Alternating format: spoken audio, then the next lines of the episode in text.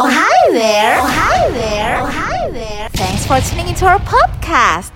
We love having you here and it is our mission to make you know better about Pepe Beat. We know that you have it in you. Today we are going to interview one of the most greatest and the most influential minds in our field. So, uh-uh, shall we begin now?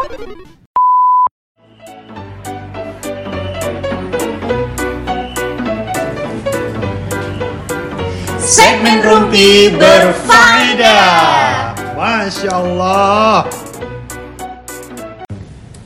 Hi, welcome to our podcast with me Amel and my partner. Muhajirin Syaputra, Siregar Baringi Lupa Kudo, Raja di Langit, Doha di Bumi, Nasoto Larangon Bagina Ah di Dokona, Horas.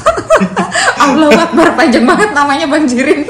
Itu cukup ya kalau ngisi di ujian-ujian. Kalau di ujian sih ya cuman Muhajirin Saputra saja. Oh, Itu gitu. nama yang diberikan oleh opung saya, opung Doli. Nah, jadi kalau opung Doli itu kakek. Kakek. Ah, gitu mbak. Oke, jadi panggilnya Iya. Bang Jirin aja ya. Ya ya boleh lah Bang Jirin. Oke, Bang Jirin, sebelum kita masuk ke segmen berfaedah kita, eh, ki- aku mau nanya dulu nih, apa sih pencapaian Bang Jirin di umur Bang Jirin yang ke-25 tahun? Nih, umur Bang Jirin sekarang berapa nih? Waduh, ini kalau bicara soal umur ini sensitif kayaknya Mbak Amel. 17 kalau- tahun. 17 tahun udah nggak cocok juga. Tapi kalau misalnya 25 tahun, saya masih gimana ya Mbak ya? Masih ikut-ikut supporter bola Mbak. iya, itu saya masih sering away keluar kota, nonton bola ikut sama eh, salah satu klub di Indonesia lah gitu. Kalau Mbak Amel sendiri gimana 25 tahunnya? Kalau pencapaian saya di umur 25 tahun, nanti kalau diceritain di sini saya yang jadi narasumbernya. oh gitu ya Mbak ya. Jadi narasumber kita kali ini itu muda, beda, dan berbahaya. Tapi dalam konotasi positif. Wah iya iya. Iya, siapakah dia? Dan inilah dia Doni Mulyanto. Selamat siang teman-teman. Oke, ternyata hoax, ternyata cuma mirip doang. Apa mau Oke. stand up dulu? Ya Jadi stand up comedy Iya. berarti kita ya. ya supaya semua tahu nih siapa narasumber kita, silakan Bapak memperkenalkan diri. nama saya Alek Mulyanto. Eh, bukan. Ah, kan? Alek Kurniawan. Lengkapnya dong. Alek Heri Kurniawan. Lagi di proyek apa nih Pak sekarang? Aku sendiri juga bingung sekarang proyeknya mana banyak ini, Pak. Lui Keris masih, Cisanggui masih. Ini Pak Apri kan naik JMO Mbak ya. Iya. Terus wes kampung suruh ngawal saya. Terus longsoran yang di Yang di Jawa Barat itu yang Jawa Barat suruh ngawasin saya juga. Nggak tahu ini rasa rasanya hidupnya itu kurang piknik ini sekarang Tapi kan tapi saya nikmati lah. Wah, ini dia. kalau dipanggil Alek itu orang banyak ketawa pasti gitu. Kenapa Pak? Pengalaman ya waktu Cisanggu itu kedatangan Ridwan Kamil sama Pak Basuki. Saya ditanyain nama kamu siapa? Alek. Langsung Pak Ridwan Kamil ketawa. Wah namanya keren. Udah Pak gak usah ngecek. Saya bilang Alek itu singkatan dari anak jelek. Saya bilang gitu. ketawa semua mereka. Nggak tahu dulu tuh kesepakatan bapak sama ibu waktu di rumah itu namanya Muhammad Yusuf Safruddin. Gitu Muhammad Safudin. ulang-ulang kok jadi Alek Heri Kurniawan gitu. Mungkin bapak saya nggak mau saya dipanggil Udin gitu kali. ya. Udin. Wah, iya iya. Oke, kenapa tadi aku tanya pencapaian Bang Jirin di umur 25 tahun? Karena Pak Alex ini di umur 25 tahun itu udah jadi SEM. Site Engineering Manager. Manager. Iya, Bapak nggak inget? Nggak ingat saya. Waduh. Karena di BP ini ngerasain umur terlalu cepet ber. Kerasa kemarin tuh kelihatannya saya baru masuk PP gitu. Di umur 25 tahun Pak Alex itu udah jadi SEM. Di umur Iya. 26 tahun itu jadi CM. Biasa aja. Eh enggak salah aku ternyata. Umur 25 itu jadi SEM, 28 awal jadi SOM, 28 akhir jadi set. PM. Itu PM pertama di mana, Pak? PM pertama itu ngelanjutin jaringan irigasi Ligo. Oh, Louis Louis Goong. Jadi sebelumnya Pak Bapak ini masuk melalui OJT. Angkatan. Sebelumnya saya masuk melalui UJT. Iya. UJT yang belum lulus tapi suruh ikatan dinas itu namanya apa itu? OJT yang belum lulus tapi udah angkatan dinas itu RMID. RMID. Ini cerita lucu saya masuk PP ya. masuk PP itu waktu itu kebetulan kan saya belum lulus kuliah masih KKN masih KKN di Temanggung terus ada temen YCS saya waktu kuliah di situ ngasih tahu ini ada pendaftaran PP ya udah sebenarnya antara niat nggak niat itu. Oh, gitu. waktu posisi lagi KKN iseng-iseng saya nanya sama induk semang saya bu aku mau berangkat nggak? Gitu. Udah kamu berangkat. Ya udah aku berangkat. Berangkat udah nating tulus lah. Tempat tidur pertama ketika aku eh, daftar PP itu bisa dilihat ini di pom bensin samping PP ini. Serius? Pom bensin samping BP itu kan sampai Jatinegara kurang lebih jam 2 acaranya kan masih pagi jam 8an ya. Iya. bingung mau ke mana kan? Mau eh, ke hotel juga nggak punya duit. Waktu itu kan masih mahasiswa kan. Nanti tulus tidur di pom bensin. Waktu pagi mau mandi airnya jelek. Akhirnya nggak mandi itu. Iya. cuman pakai minyak wangi aja. Mungkin dari berkah itu malah keterima gitu loh. Oh, ya berkah nggak mandi ya? berkah nggak mandi. Waktu itu ya terus terang ya ini tak anggap sebagai ujian nganu lah pengalaman ngelamar kerja itu kira-kira seperti apa. Eh malah keterima. Waktu keterima ya dikasih waktu berapa kurang lebih? Enam bulan Berarti tidak semudah itu Ferguso untuk mendapatkan sampai posisi PM. Nah, terus tadi kan Bapak cerita di proyek Louis Goong. Proyek apa sih Pak Louis Goong itu?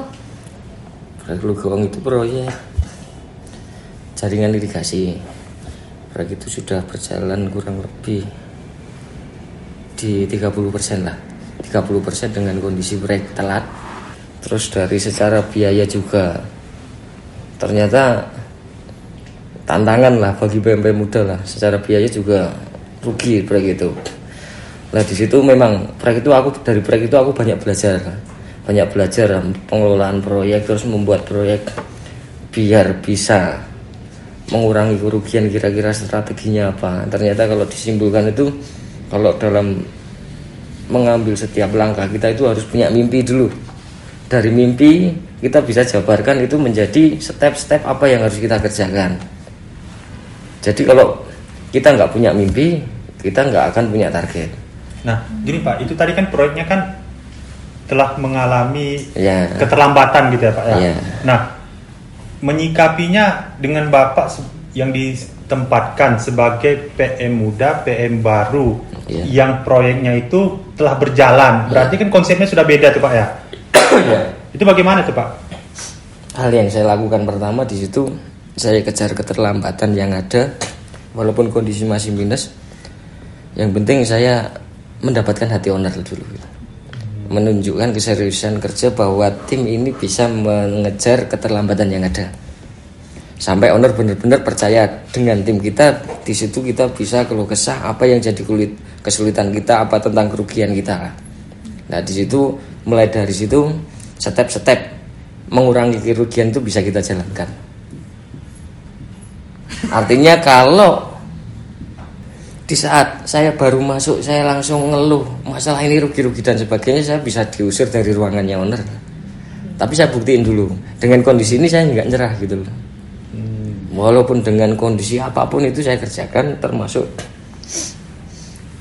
ya artinya walaupun di kepala pusing ya waktu itu ya itu pusing itu cukup masuk ruangan PM saja ketika keluar ruang PM itu nggak boleh menampakkan kita itu pusing. Kalau seorang leader itu udah menampakkan pusing pasti itu langsung nular ke bawahnya tim semuanya itu yang bikin mereka jadi down gitu loh. Sebisa mungkin kita walaupun pusing keluar itu udah ayo semangat ini bisa. Ini bisa pokoknya harus bisa gitu loh. Amazing Ya, itu sekali. lebay biasa aja. Iya, biasa. Ini kalau ya kuncinya kita nggak boleh nyerah lah. Ah. punya mimpi punya step-step ya intinya ya visi misi lah nah dengan visi misi itu kita nggak boleh nyerah gitu ya Pak ya.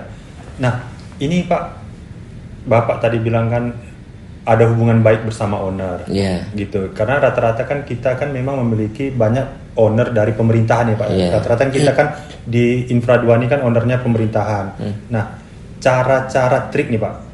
Kan kadang ini oh ini PM muda. Iya. Nah, sedangkan rata-rata owner atau PPK-nya itu kan udah level senior nih Pak ya. Oh iya. Nah, itu bagaimana itu Pak?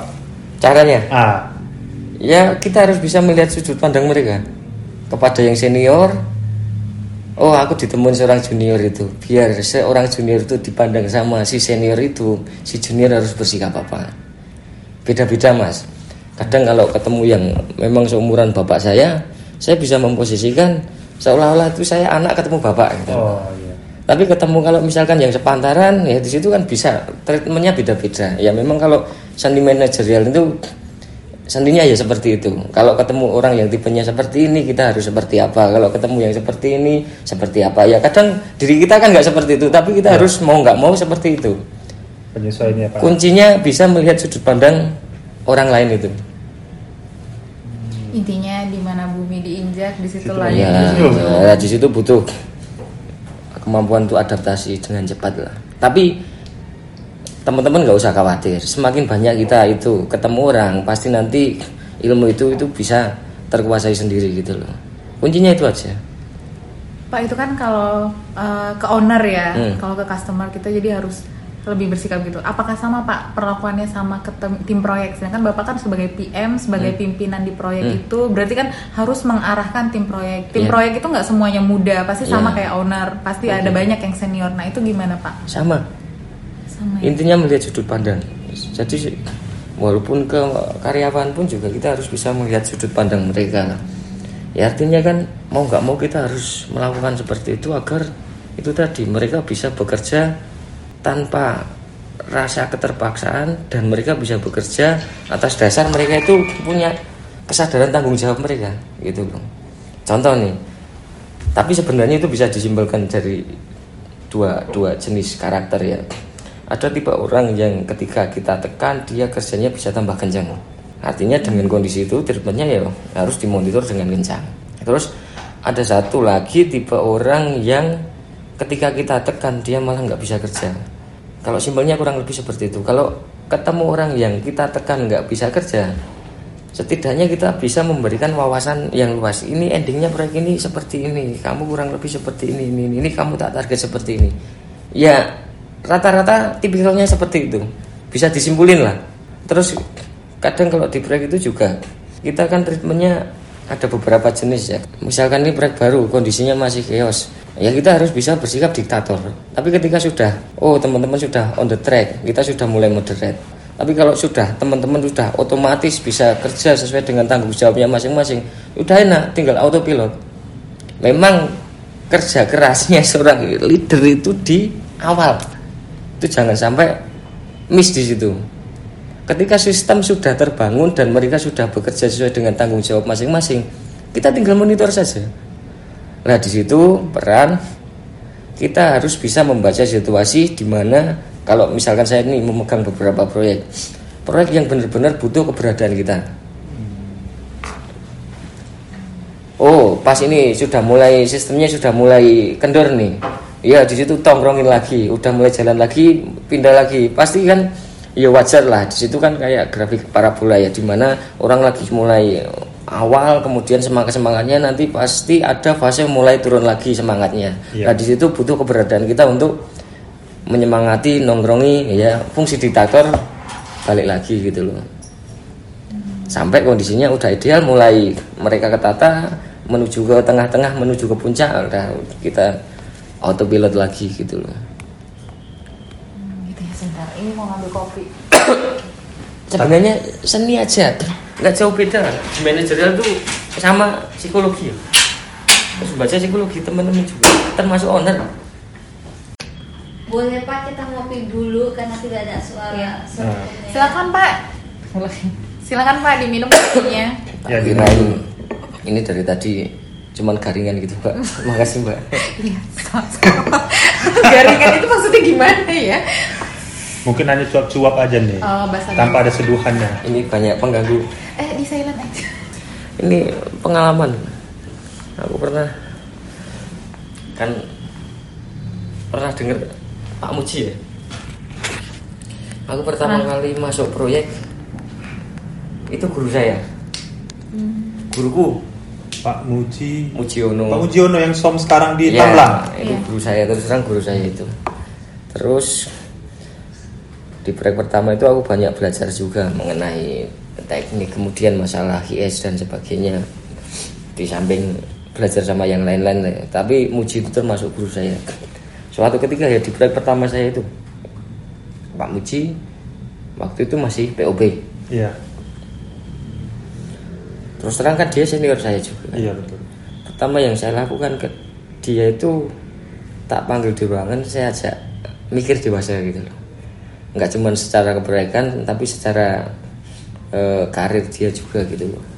Ya termasuk ngobrol. Kok selama ini kok sampean sampai sorry loh yo pak. Saya ini posisi lagi aku di atas bapak gitu loh Pak Muji gitu loh. Cobalah aku juga nggak pengen Pak Muji gini-gini terus.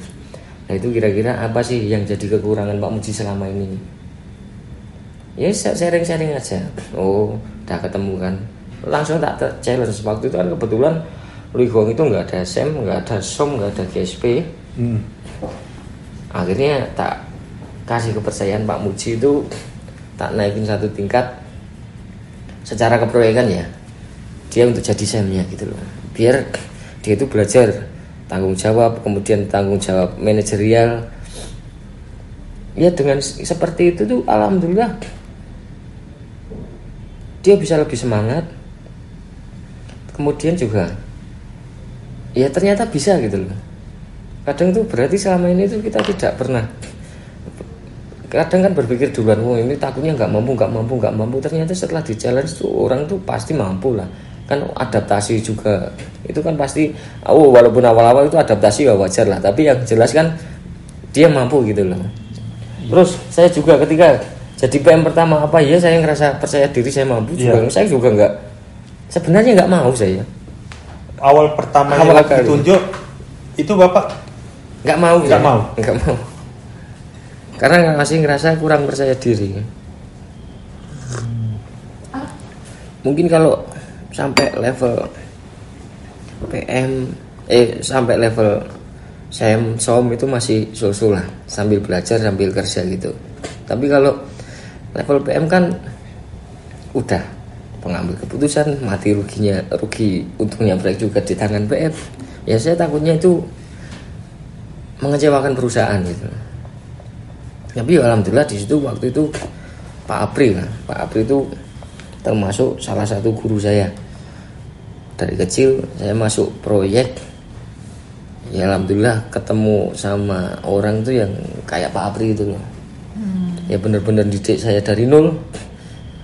Ya itu kalau sekarang program SDM mirroring itu mirroringnya nggak tanggung-tanggung. Mungkin setengah perjalanan karir saya itu mirroring sama Pak Apri gitu. Itu pada saat OJT Pak dengan Pak Apri. masuk proyek pertama. Saya staff beliau jadi sem kemudian ya sempat pisah seproyek seproyek apa dua proyek gitu loh. Uh, sedihnya. ketika dia naik jadi PM beliau narik saya untuk jadi semnya gitu. Itu yang mulai tahun 2011an lah Iya, 2011 ya Pak. Iya. Padahal tahu nggak Mbak? Sebelumnya itu ini ya. Aku belum pernah jadi POP, belum pernah jadi GS. Sebelumnya GSP. Loncat. DSP Ya. Loncat langsung. Unik kan perjalanan karir saya. Iya. Staff engineering setengah tahun, kemudian di lapangan jadi pelaksana, terus jadi GSP, langsung SEM. Nggak pernah ngerasain yang namanya POP, nggak pernah yang ngerasain jadi IS pun belum pernah. Tadi itu peran Pak Apri memang benar-benar luar biasa ya bagi karir saya ngajarin ilmu dan sebagainya di situ. Didik nol dari nol. Tutup buku itu apa Pak? Itu ya kalau misalkan PM yang lain saya jadi PM ketemu SEM yang kayak gitu pengen gampar gitu. Tapi beliau dengan sabarnya. Ya walaupun ya sering digoblok-goblokin juga kan, waktu itu kan juga saya sadar diri memang saya itu nggak bisa gitu loh. Jadi wajar kan kalau saya udah pinter kan mungkin jadi bosnya Pak Apri gitu. ya terus terang ya di situ saya dapat ilmu banyak lah. tadi saya melihat cara pandang bapak nih Hmm. terhadap bawahannya ingin memberikan karir yang lebih Ya, Nah, jadi ada juga beberapa yang manajer mungkin tentang kepeduliannya nih ya Pak ya terhadap eh, teman-teman di proyek. Nah, itu Bapak menyikapinya itu apakah itu mungkin nih Pak ya kan kadang kan ada wah ini nanti bakal jadi pesaing saya, mungkin ada. Apakah ini akan membantu saya? Nah, Bapak menyikapinya jikalau dia diberi kesempatan untuk berkarir lebih baik lagi, bagaimana Pak? bangga saya Oh, jadi salah satu kebanggaan Bapak luar biasa. Jadi kebanggaan Bapak bisa memberikan nilai lebih kepada Ya. teman-teman di proyek gitu, Pak. ya termasuk Amazing, ilmu bagi amazing. mereka karena Ya. kan kalau ilmu itu kan pahala yang ngalir sampai nanti mati pun kan itu juga pahala ngalir terus gitu Iya. terus ngapain kita juga hidup itu misalkan di PP kita takut saingan dan sebagainya sekarang masalah karir ma jodoh kemudian masalah harta dan sebagainya itu kan udah ada yang ngatur gitu loh Iya.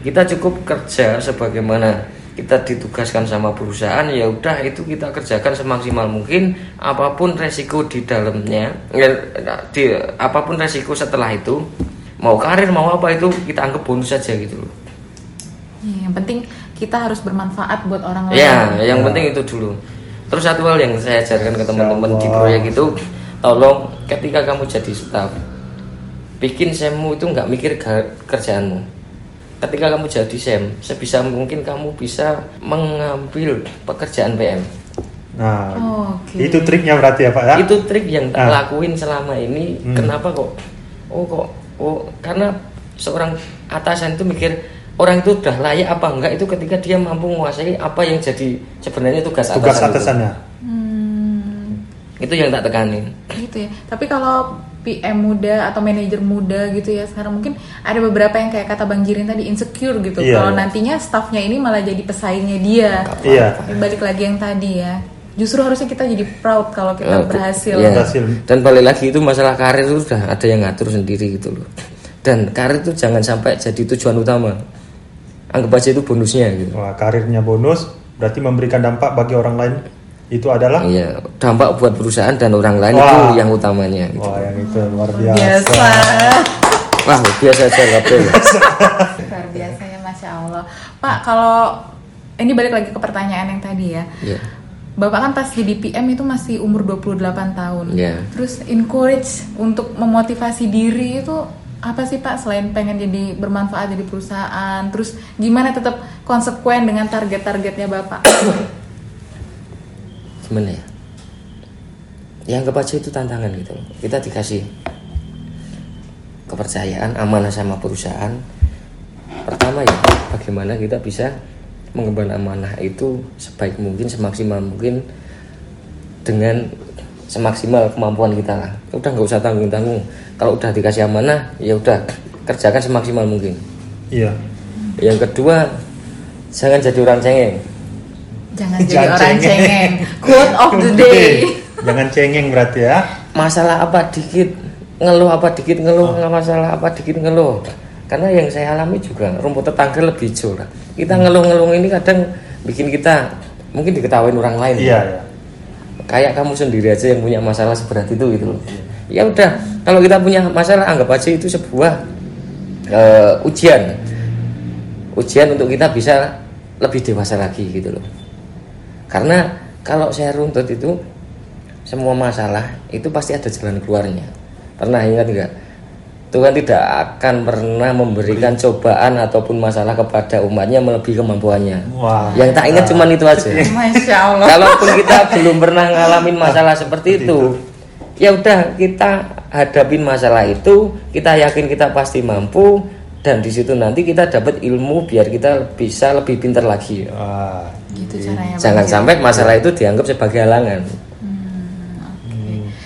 Bapak sendiri gimana Pak? Cara memotivasi diri sendiri supaya nggak ketemu titik kalau pas ketemu titik jenuh ini cara ngatasinnya gimana? Terus kalau Bapak pernah nggak ngelihat staffnya Bapak ketemu titik jenuh, aduh nih orang harus dibantu nih atau gimana gitu? Ya sering, Sering Pak. sering. Contohnya? Ya ketika kondisi itu kita harus menempatkan diri sebagai teman ke anak buah di situ.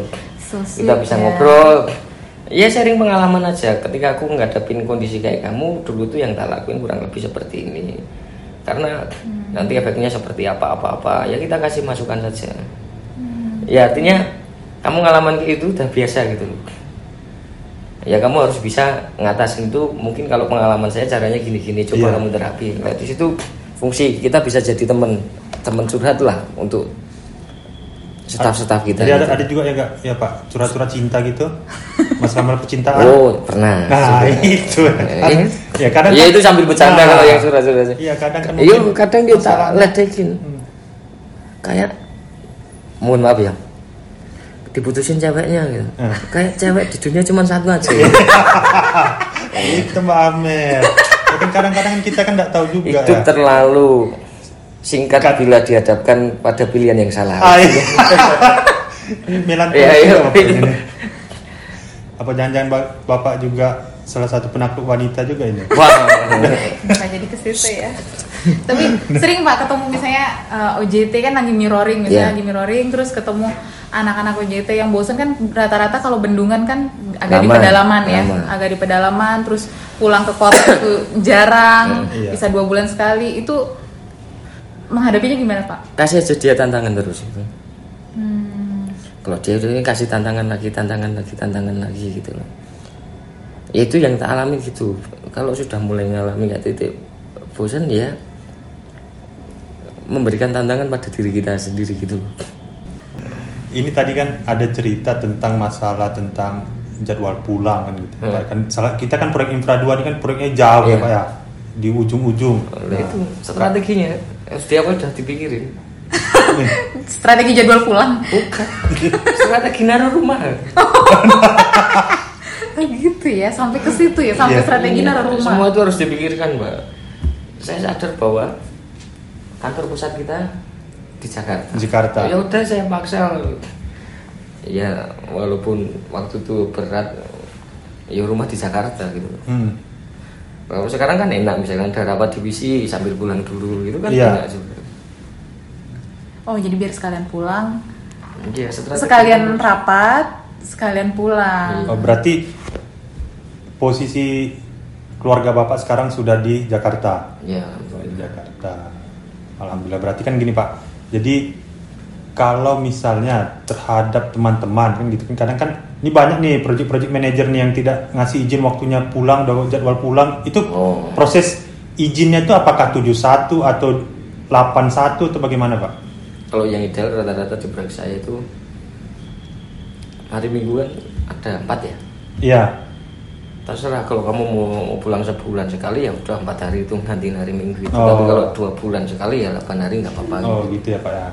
Saya juga. Ya semua tak kembaliin ke teman-teman. Kondisi urgent kamu bisa menilai sendiri ketika itu kamu tinggal pulang kerjaanmu seperti apa. Oh, fleksibel ya. tapi kalau misalkan kondisi oh udah senggang tidak ada target ya mau pulang ya silahkan pulang gitu. Balik lagi ngeliat sudut pandang ketika aku jadi posisi dia ketika kondisi seperti itu gimana gitu? Iya. Biar nyaman di proyek gimana, Hmm? Pak? Bikin mereka tuh tetap nyaman bekerja walaupun jauh dari keluarga, walaupun jauh dari kota, walaupun jauh dari tempat hiburan. Nah, hiburan lagi ya. kata siapa nggak jauh-jauh amat Ya. Ih, dua jam jauh atuh. ini ya sebisa mungkin kita memberikan fasilitas yang terbaik bagi teman-teman gitu loh bisa dicek ya alhamdulillah apa yang saya berikan ke teman-teman itu ya saya rasa sudah lebih dari cukup lah artinya masalah mes kemudian makan terutama yang poin utamanya itu lah makan mes kemudian ya ditunjang kayak fasilitas-fasilitas yang ada di Yang- proyek bisa iya. ngurangin rasa jenuh mereka Iya. mungkin ya kayak pil ya kemudian masalah penataan kantor yang enak kemudian eh, landscape kantor yang enak yang sebisa mungkin ngurangin rasa jenuh mereka Oh, sesederhana itu ya. Jadi nggak perlu yang nggak perlu yang mewah untuk Iya. menjadi bahagia. Terus saat di proyek mana sih Pak integritas Bapak paling diuji? Atau jangan saat proyek mana? Saat kapan integritas Bapak paling diuji? apa pun itu tak balikin lagi aku di sini kan cuma karyawan juga gitu loh tapi balik lagi pikirannya satu udah rezeki itu udah ada yang ngatur Rezeki Iya, sudah ada yang ngatur. kalau aku tak terapin seperti itu tapi kalau masalah integritas ini hubungannya sama kan ya pernah waktu aku jadi SEM itu dua perusahaan besar itu nawarin saya udah kamu keluar dari PP Mau di segini ini ini ini nanti tak kasih mobil Wah, berarti kan gitu ya kan? Menggiurkan. Menggiurkan. cuman saat itu cuma tak pikir wah rumput tetangga lebih hijau Hmm. di PP itu udah secara ilmu dan secara rezeki bagi saya lebih dari cukup gitu loh Iya. Kenapa? aku kalau harus- udah dihadapkan dengan kondisi itu balik lagi kita berpikir sebelum di PP itu aku siapa sih gitu Ah, aku cuman anak ingusan berarti anak mami yang cuman seperti itu sekarang aku sudah punya pikiran seperti ini ini ini ilmu dan sebagainya dan aku ngerasa jauh lebih beruntung daripada orang-orang yang ada di sekitarku di situ kita insya Allah bisa berpikir oh kita harus loyal kepada perusahaan karena kita ngerasa utang budi kepada perusahaan Wah, luar biasa, luar biasa. Berarti integritas itu bisa dibangun mulainya itu dari rasa bersyukur Iya. ya. Bersyukur dulu baru kita bisa membangun integritas yang lebih baik lagi. Kenapa aku harus takut pada rezekiku sedangkan aku punya Allah yang Maha Kaya? Oh, masya Allah sekali Ukti. Oke. mikirnya gak usah neko-neko saja udah gitu masalah integritas waktu itu waktu Pak Tum ada kunjungan di Garut saya disuruh ngawal di situ dia memberikan wejangan kamu tuh IPM ibarat kamu itu jagain sebuah pohon yang nanti itu berbuah dan sebagainya. Di situ kamu punya pedang untuk nebas kira-kira. Misalkan ada hama dan sebagainya misalkan ada gulma dan sebagainya tebas. Tapi kamu jangan sampai nebas buah yang ada. Tapi ketika buah itu jatuh Jatuh. itu halal dan kamu harus mikirin yang di bawahmu karena kamu bisa tumbuh kuat karena akar-akarmu juga kuat Wah, mantap kan kita hari ini banyak sekali ya inspirasi ya. Inspirasi-inspirasi yang ya itu bisa dilogika lah Iya. yang bisa memberikan Artinya semangat kita ya jangan positif. sampai rusak kita nyolong neb- eh, parang itu ternyata untuk nebas buah-buah ya jangan gitu. loh. Iya. Tapi ketika buah itu jatuh itu halal gitu loh. Tapi jangan jadikan buah yang jatuh itu untuk jadi kamu serakah gitu. Iya, jadi Ingat serakah. akar-akarmu itu juga butuh nutrisi juga. Gitu. Ya, luar biasa. Ada pantun mau lewat nih. Apa tuh? Naik pesawat ke kota Madrid.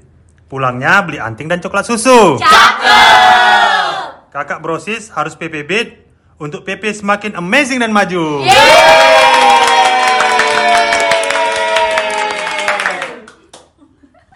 Makasih Pak Alex untuk segmen rumpi berfaedahnya. Ini segmen Iya. selanjutnya kita ada segmen yang lain yaitu Ini- segmen jawab cepat. Jadi Hmm. nanti aku kasih dua pilihan, Hmm. terus Bapak pilih jawabannya yang mana. Tapi harus cepet.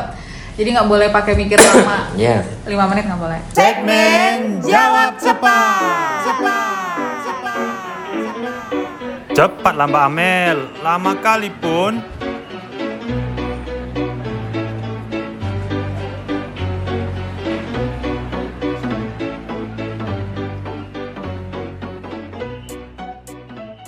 Ya. Kita mulai. Are you ready?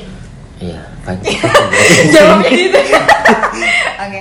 Ini harus cepat nih Pak. Oke, jawab cepat ya. Mulai. 3 2 1. Bendungan atau jalan tol? Jalan tuh.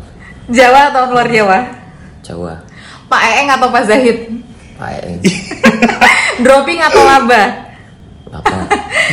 Laba, reguler atau JO? Reguler. Manajerial atau lapangan? Lapangan. PM atau staff PCO? PM. Jilbab atau pirang, Pak? Jilbab lah. GM atau PM? PM. Oke, terakhir nih. MR atau nyanyi? MR. Pencitraan apa? Pencitraan, oke. Oke, Pak, makasih Pak buat waktunya, udah sharing sama kita. Boleh nggak nih Pak, kasih pesan dan kesan terakhir buat kita yang milenial ini biar tetap semangat kerjanya supaya tetap PP Beat. Ya. Quote-nya. Kalau Pak Apri bilang itu ada falsafah dari Buya Hamka. Kalau hidup asal hidup, babi di hutan aja bisa hidup gitu. Iya. Iya. Biar nggak kayak babi hutan, biar kita dianggap manusia, kita itu harus punya mimpi. Nah di situ kita pasti berpikir langkah-langkah untuk menuju mimpi itu. Kalau kita sudah bermimpi dan niat untuk mewujudkan mimpi itu, pasti insya Allah akan terlaksana. Dan insya Allah pasti terlaksana kalau kata Pak Hajar dulu kan dari a miracle when you believe terus misalkan Mariah Carey. ya kira-kira gitu. pokoknya jangan babi jadi babi hutan lah Iya. Oke, terima kasih Pak Alex. Terima kasih, terima Thank kasih. you, tapi bahasanya kasar orang Enggak apa. Dan thank you buat semua yang udah dengerin kita. Sampai jumpa di Rumpi Berfaedah selanjutnya. Saya Bang Dirin. Dan saya Amel. Bye-bye.